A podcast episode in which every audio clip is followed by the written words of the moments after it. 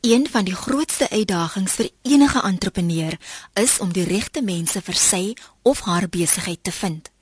Ongelukkige werkers kan nie net tot die ondergang van jou besigheid lei nie, maar kan ook lei tot arbeidsverwante probleme. Die werksplek is een van die plekke waar ons nie eintlik 'n demokrasie het nie. Daar is 'n baas en daar's 'n klas. So jy moet die opdragte uitvoer. As jy daardie opdragte van die werkgewer verontagsaam, dan kom dit neer op wat bekend is as insubordinasie. Jan Trieter van Labourwise, 'n aanlyn arbeidsdiens, sê verder: As jy as werker jou nie aan die gesag van die werkgewer onderwerp nie, is die diensverhouding daarmee heen. Een van die fundamentele aspekte van die dienskontrak is dat die werknemer hom aan die gesag van die werkgewer moet onderwerp. Dit is baie essensieel. Dit is dieselfde as eerlikheid, as getrouheid teenoor die werkgewer. Vandag gesels ons oor insubordinasie, wat dit beteken en hoe dit werkers en werkgewers raak. Dis rand en sent op RSG 100 tot 104 FM met my Olivia Sambul. Baie welkom. Insubordinasie word beskryf as die weiering van 'n wettige opdrag. Maar jy kan jou ook hieraan skuldig maak as jy jou werkgewer se gesag uitdaag. As jy 'n opdrag kry en jy voer dit bloot nie uit nie sonder om enigiets te sê, jy versuim om die opdrag met ander woorde uit te voer. Dit word herhaal, jy versuim nog steeds, dan kan dit aanduidend wees dat jy besig is om die werkgewer se gesag te verontagsaam. Dit kan sterker wees. Jy kan byvoorbeeld 'n opdrag kry en dit sommer blaatant weier. Jy kan sê ek wel ek gaan dit nie doen nie of doen jy dit sommer? Hoekom kan jy dit nie doen nie? Dis 'n meer blaatante vorm van verontagsaming. Jy kan ook disrespekvol optree as jy die werkgewer byvoorbeeld sou vloek wanneer jy 'n opdrag kry of jy stap net weg wanneer die werkgewer besig is om met jou te praat, dan kan dit op verontagsaming neerkom, maar nie noodwendig nie. Dit hang af of jy blaatant die werkgewer se gesag uitdaag. Dis belangrik vir werkers om te verstaan wat 'n wettige opdrag is. 'n Wettige opdrag is een wat nie enige wet breek nie, maar dit moet ook redelik wees.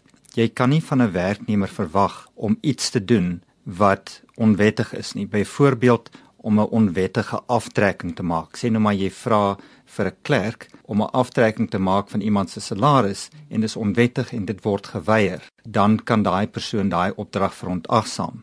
Die ander kwessie is is dit 'n redelike opdrag? Nou dis 'n bietjie meer van 'n vaag konsep. Dit hang af van die omstandighede. As jy van iemand vra om iets te doen wat binne hulle werksbeskrywing is, maar dis te veel werk, sê nou maar jy moet 2 weke se werk inhaal binne 1 dag, dan sal dit 'n onredelike opdrag wees. Daar is egter gevalle waar die werknemer mag dink dat die werkgewer sy gesag misbruik. Maar dis nie raadsaam om 'n opdrag se muur te weier nie. Uit 'n werknemer se oogpunt moet mens maar jou onderdanig hou aan die gesag van die werkgewer, so jy moet maar versigtig wees wat jy weier en wat jy nie weier nie. Ek sê maar aan 'n werknemer sê, voer maar die opdrag uit so ver as wat jy kan en as jy 'n grief ten opsigte daarvan het, dan kan jy altyd later daai grief lig.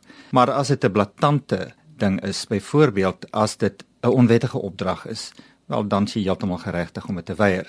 As jy dalk dink is onredelik mag iemand anders dink dis nie onredelik nie en uh, dan sou ek sê doen maar liewer wat jy kan. Vir werkgewers kan dit moeilik wees om 'n werker te straf wat hulle mag skuldig maak aan insubordinasie want tydens dissiplinêre verhore word insubordinasie dikwels verander na 'n strandheid en vir werkgewers is dit soms moeilik om tussen die terme te onderskei was strandheid word beskou as minder ernstig oor die algemeen as insubordinasie want dit is nie noodwendig 'n blaatante uitdaging van die werkgewer se gesag nie. Ek dink 'n mens kan so 'n bietjie verstrengel raak in die terminologie want as jy kyk na 'n vertaling van die Engelse woord insolence dan sal jy woorde kry soos parmantig, astrant, onbeskaamd, onbeskof en selfs brutaal. Mens kan redelik rondspeel met woorde, maar Ek dink wat belangrik is ten opsigte van die onderskeid is wanneer jy met insubordinasie te doen het, het jy die uitdaging van die werkgewer se gesag. Wanneer jy praat van astrantheid of parmantigheid of onbeskoftheid, dan kan dit verskeidenheid van goed insluit wat nie noodwendig 'n aanval is op 'n uitdaging is van die werkgewer se gesag nie. So sê Jan Trieter. Jy luister na Rand en Sent op RSG 100 tot 104 FM. Baie welkom as jy sopas ingeskakel het. Vir enige kommentaar of vrae stuur 'n SMS na die ateljee lyn by 3343. Ons fokus vandag op insubordinasie en astrantheid in die werksplek. Indien 'n werkgewer sou vind dat 'n werker skuldig is aan insubordinasie, kan dit tot die werker se afdanking lei. Jan Trieter waarsku egter dat werkgewers versigtig moet wees wanneer hulle die klag formuleer. Die fout wat hulle dikwels maak is hulle wil 'n klag so formuleer dat dit so ernstig as moontlik oorkom. So hulle sal dalk iemand aankla van grouwe insubordinasie waar dit miskien glad nie op insubordinasie neerkom nie. Daar was miskien astrantheid of daar was onbeskoftheid teenoor die werkgewer, maar dan noem hulle dit grouwe insubordinasie. So dit is 'n fout wat werkgewers dikwels maak. So werkgewers moet maar versigtig wees wanneer hulle iets insubordinasie noem in die eerste plek. Die vraag moet wees is dit 'n blaatante uitdaging van die werkgewer se gesag? En die tweede ding is is dit werklik grof? kan jy dit grouwe insubordinasie noem. Hoe goed is mense ingelig wanneer dit kom by die onderwerping aan gesag? Ja, ek dink dit is nie iets wat dikwels met werknemers bespreek sal word nie. Hulle pligstaat word miskien met hulle bespreek, maar die kwessie van die onderwerping aan gesag is nie iets wat aangespreek word nie. Ek dink meeste mense voel dit intuïtief aan. Jy weet as jy vir iemand gaan werk, is jy onderhewig aan die gesag van daardie persoon en jy sal dit nie noodwendig bespreek nie. Jy behoort ook te weet dat jy jou werkgewer met respek moet behandel en werkgewers behoort te weet dat dit na die ander kant ook werk. Hulle moet werknemers met respek behandel al is daai persoon onderworpe aan hulle gesag. Ek sou nie sê mense is baie goed ingelig daaroor nie en dit is dikwels hoekom jy hierdie probleme kry. 'n Werknemer sal self besluit wat hy of sy miskien dink binne sy pligte val en wat nie binne sy pligte val nie, wat redelik is en wat nie redelik is nie. En hulle sal baie keer dink dat die werksplek is 'n demokrasie en ons is almal op dieselfde voet. Ons het 'n grondwet en ons het almal regte en so aan. So wie is jy om vir my te sê wat ek moet doen en hoe ek dit moet doen? Dit is meer by uitsondering so, maar baie mense kan onder daardie indruk wees. Watter opsies het 'n werkgewer wel indien 'n werker nie sy of haar pligte uitvoer nie? kyk 'n werkgewer het die reg om te verwag van 'n werknemer om sy of haar pligte uit te voer en behoorlik uit te voer. En as dit nie gedoen word nie dan het die werkgewer die reg om dissiplinêr op te tree teen die werknemer. Dit beteken nie noodwendig die werkgewer kan die werknemer goeds moet ontslaan nie. Daar is sekere progressiewe dissipline wat geneem moet word. En daar is inderdaad riglyne wat neerlê wat se prosedures gevolg moet word en wat as ernstig beskou kan word en wat nie as ernstig beskou word wanneer dit kom by oortredings nie. Die riglyne sou byvoorbeeld aandui dat daar sekere tipe van wangedrag is waar progressiewe dissipline nie nodig is nie en waar semiere ontslag geregverdig kan wees. En insubordinasie is een van die spesifieke voorbeelde om die waarheid te praat. Grouwe insubordinasie met ander woorde blaatante herhaaldelike doelbewuste uitdaging van 'n werkgewer se gesag. Dieselfde geld ten opsigte van diefstal of grouwe oneerlikheid dit sou ook se mure ontslag kon regverdig. En dan is daar ander voorbeelde soos aanranding binne die werksplek of dit nou 'n medewerknemer is of die werkgewer self dit sou se mure ontslag regverdig so Ja, werkgewers het regte. Hulle kan nie diensverhouding beëindig nadat hulle sekere stappe geneem het, progressiewe dissipline geneem het of selfs semier. Dit beteken nie dat die ding daar gelaat kan word nie. Die werknemer kan dit natuurlik na die CSMA toeneem as daar geskuld daar is en dan kan 'n arbiter uiteindelik daaroor besluit. Watter raad het jy aan entrepreneurs wat vir die eerste keer werkers in diens neem? As 'n werkgewer byvoorbeeld reg begin deur wanneer hy iemand in diens neem 'n dienskontrak met die persoon aan te gaan waar nie werksure gestipuleer word waar daar 'n pligstaat is sodat baie duidelik is wat die onderskeie regte en verpligtinge is. Dit is 'n goeie begin. Die volgende een is om sekere reëls daar te stel. Elke werkgewer sal nie dieselfde reëls hê nie, maar die beginpunt is om miskien te kyk na 'n stel generiese reëls wat uh, redelik algemeen beskikbaar is en dit na aanleiding van die werkgewer se omstandighede aan te pas. So ja, reëls moet opgestel word en dan moet daar ook 'n aanduiding wees van wat die gevolge sou wees indien reëls oortree word. En veral wanneer dit kom by die belangrike reëls, dit was wat as ernstige wangedrag beskou kan word en wat tot se mure ontslag kan lei. Dit moet gelys word en dit moet met werknemers gekommunikeer word. Daar heers 'n jarelange debat oor die onderskeid tussen astrantheid en insubordinasie. En daar was nie genoeg duidelikheid daaroor nie. Die algemene opvatting was dat insubordinasie die blaatante weiering van 'n opdrag is. Die arbeidsappelhof het egter onlangs beslis dat dit 'n wanopvatting was en dat die arbeidshof gefouteer het deur tot die gevolgtrekking te kom. En die arbeidshof het beslis dat daar omstandighede is waar astrantheid of parmantigheid wat jy dit ook al mag noem, wel kan neerkom op insubordinasie as daardie gedrag neerkom op 'n uitdaging of 'n blaatante doelbewuste uitdaging van die werkgewer se gesag. Soos byvoorbeeld as die werkgewer die werknemer sou vra om 'n taak te verrig en die werknemer sou sê nee, jy kan dit sommer self doen en dan sommer 'n paar vloekwoorde byvoeg, dan sal die vraag wees, wat is dit nou eintlik? In daai geval is dit nie slegs die weiering om 'n opdrag uit te voer nie, maar dit het ook elemente van parmantigheid en strandheid in en disrespekvolle gedrag wat ook op sigself die manier wat die werknemer reageer daarop neerkom dat die werkgewer se gesag uitgedaag word en blaatant uitgedaag word. Dat die werknemer inderdaad sê deur sy gedrag of deur sy of haar woorde ek gaan my nie onderwerp aan jou gesag nie. Maak nie saak wat jy sê en doen nie. As dit ingelees kan word in die werknemer se gedrag of wat die werknemer sê, dan kan dit as insubordinasie beskou word, selfs al is daar nie noodwendig die weiering om 'n opdrag uit te voer nie. Dit dan Jan Trieter van Labourwise. Ons gesels vandag oor die struikelblokke wat entrepreneurs moet oorkom om 'n suksesvolle besigheid te bedryf. Een van die mees noodsaaklike aspekte vir enige suksesvolle besigheid is voldoende kontantvloei, want daarsonder sal die onderneming misluk. Dan het entrepreneurs ook soms geld nodig om hulle besigheid uit te brei. Christo Botus, uitvoerende direkteur by Business Partners, sê voordat jy selfs daaraan dink om geld te leen, moet jy reeds 'n gesonde netwerk opgebou het van potensiële finansierders. Is nie noodwendig dat jy met die finansierders self 'n netwerk bou nie. Met ander woorde, as jy finansiering soek, moet jy werk daarvoor. Jy moet 'n bietjie 'n poging aanwend om by die regte persone uit te kom. En jy sal vind dat baie keer het jy net so een of twee mense ver is die regte persoon. Jy het miskien 'n ouditeur of 'n 'n vriend wat 'n kennis het wat jou kan bring by die finansierder. Weet vir wie soek jy? Watter finansierder sal my tipe besigheid finansier en daarom moet jy 'n bietjie rondpraat. Jy moet ook die regte dokumentasie gereed hê. Ek dink baie keer weet mense nie hoe om hulle punte stel nie.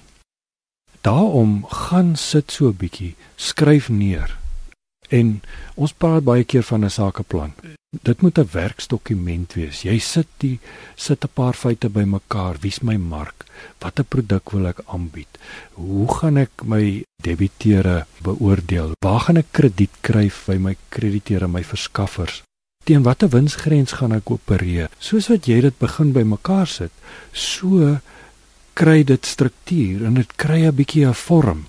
En dan raak jy meer passievol want jy kan nou jou punt verdedig. Jy kan eintlik op dieselfde vlak amper kommunikeer as 'n finansierder of as 'n ander gesoute sakeman. Die sakeplan moet byna in jou geheue gegraveer wees. Seker nog die belangrikste is om dan die essensie van daai sakeplan in jou kop in te sit. En laat jy as jy by 'n finansierder kom, moet jy amper ons het daai Engelse woord elevated pitch moet jy doen. Met almal jy moet hom in 'n kort tydjie moet jy vir hom kan sê dit is my produk. Dis my mark. Dis my winsgrens. Dis my mense. Dis ek. Jy weet, kort kragtig tot die punt. Wanneer jy vir finansiering aansoek doen, hoef jy nie 'n nuwe uitvinding te ontdek of groot deurbrake te maak nie. jou unieke aanbieding, die manier hoe jy dit aanbied, die diens wat jy gaan bied, hoe gaan jy 'n verskil maak? Baie keer is dit net hoe het jy dit verpak? En nie verpak die produk self nie, maar hoe's jou aanbieding? Hoe nooi dit die kliënt in? Is dit aantreklik vir 'n koper? Is jou diensvlakke net daai ietsie hoër? Is jy persoonlik betrokke? En hoe is jou mense opgelei? Is hulle ywerig om te help? Want jy's beter as die een langs jou wat jy doen dit want jy wil 'n verskil maak. Jy wil self suksesvol wees, maar jy wil ook gelukkige kliënte hê en jy wil herhalende kliënte hê. Hulle moet môre weer terugkom na jou toe. Entrepreneurs hoef ook nie noodwendig 'n groot aantal werkers of hoë operasionele kostes te hê om aansoek te doen vir kapitaal nie. Christo raai suksesvolle eenman ondernemings sterk aan om vir finansiering aansoek te doen as hulle planne het om uit te brei.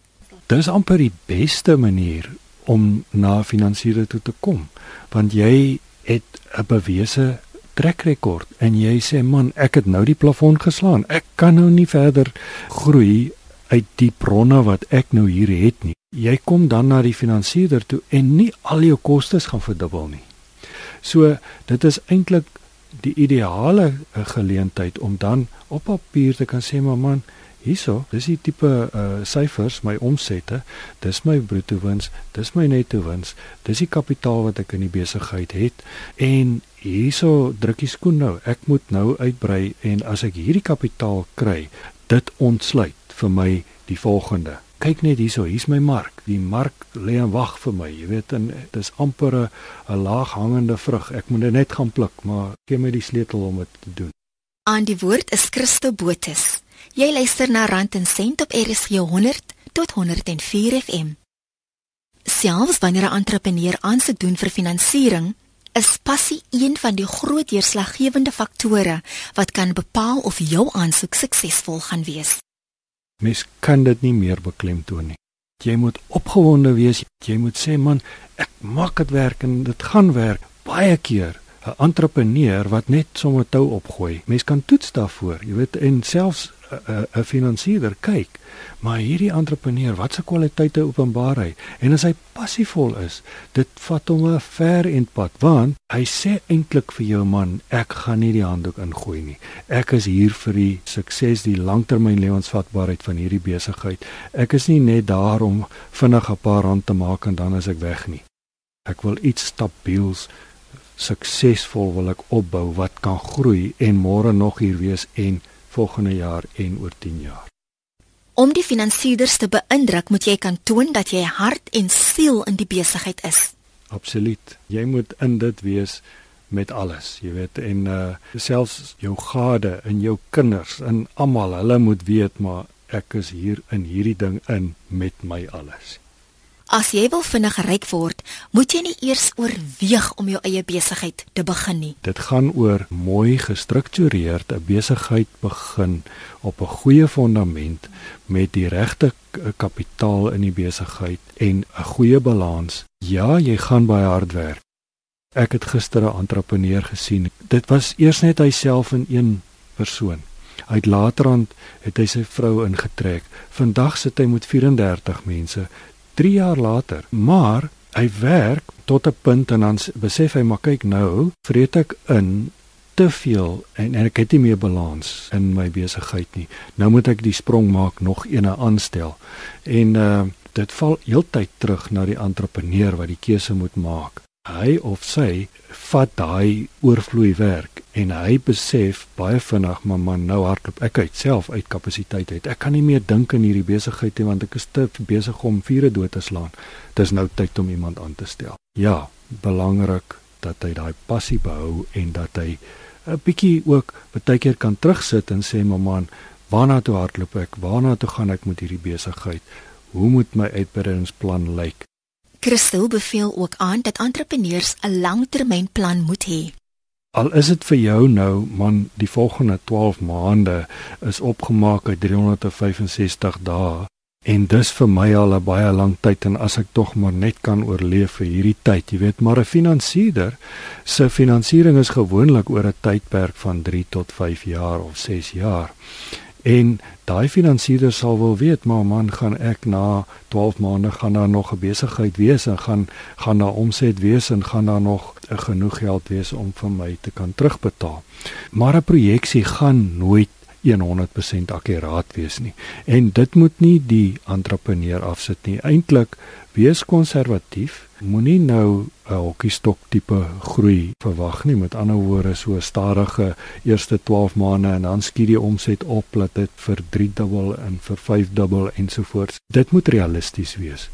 En uh, wees eerder konservatief want dit gaan dan ook waarskynlik bepaal dat die finansieringstermyn eerder 5 jaar is as wat dit 2 jaar is want ek meen as jy as jy vir die finansiëerder bewys maar ek gaan in 2 jaar se tyd gaan ek so groot omset kry dat ek hierdie lening sommer in 2 maande se tyd terugbetaal.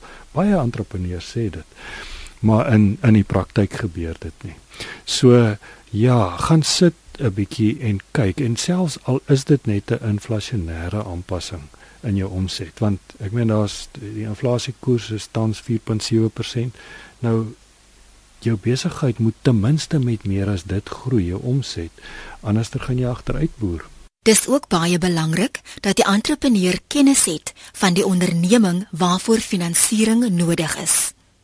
Die eerste ding is definitief is hierdie entrepreneur en hierdie besigheid is dit 'n een eenheid. Met ander woorde kan dit werk. So as die entrepreneur uit sy of haar diepte is. En jy kom dit baie vinnig agter want die entrepreneur moet tog darm seker 'n bietjie kennis hê van daai besigheid, bietjie huiswerk gedoen het. Al het hy nou nie self ondervinding van daai besigheid nie, dan moet hy bietjie gaan navors, jy weet, en gekyk het en miskien selfs 'n bietjie 'n skaduwerker gewees het langs 'n ander entrepreneur wat dit al gedoen het en wat in die praktyk staan.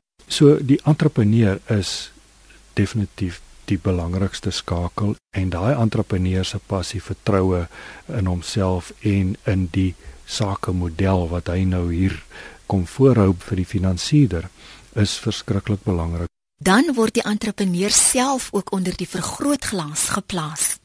Die finansiëerder sal sal sekerlik kyk, maar man, gaan hierdie entrepreneur as dinge nou 'n bietjie skeef loop of ons het nou 'n swaar maand, gaan hy die handdoek ingooi of gaan hy deurdruk en watter alternatiewe het hierdie entrepreneur om dan dit goed te maak? Met ander woorde om deur hierdie moeilike tyd deur te gaan en dan aan die ander kant te kan die storie vertel en sê maar ek het hierdie druk probleem gehad maar ek het ek het daardeur gekom. Nou kyk ek vorentoe en ek is nou op 'n groeikurwe so ons kyk na die realistiese sakeplan maar die entrepreneur is amper die kernbelangrikste en dit wat daai entrepreneur openbaar op daai oomblik man hierdie besigheid ek eet slaap drink alles dit is dis my besigheid en dis my passie. Dit was Christo Botes van Business Partners Vir enige vrae of kommentaar oor die program, kan jy 'n e-pos stuur na olivia.sambo@gmail.com.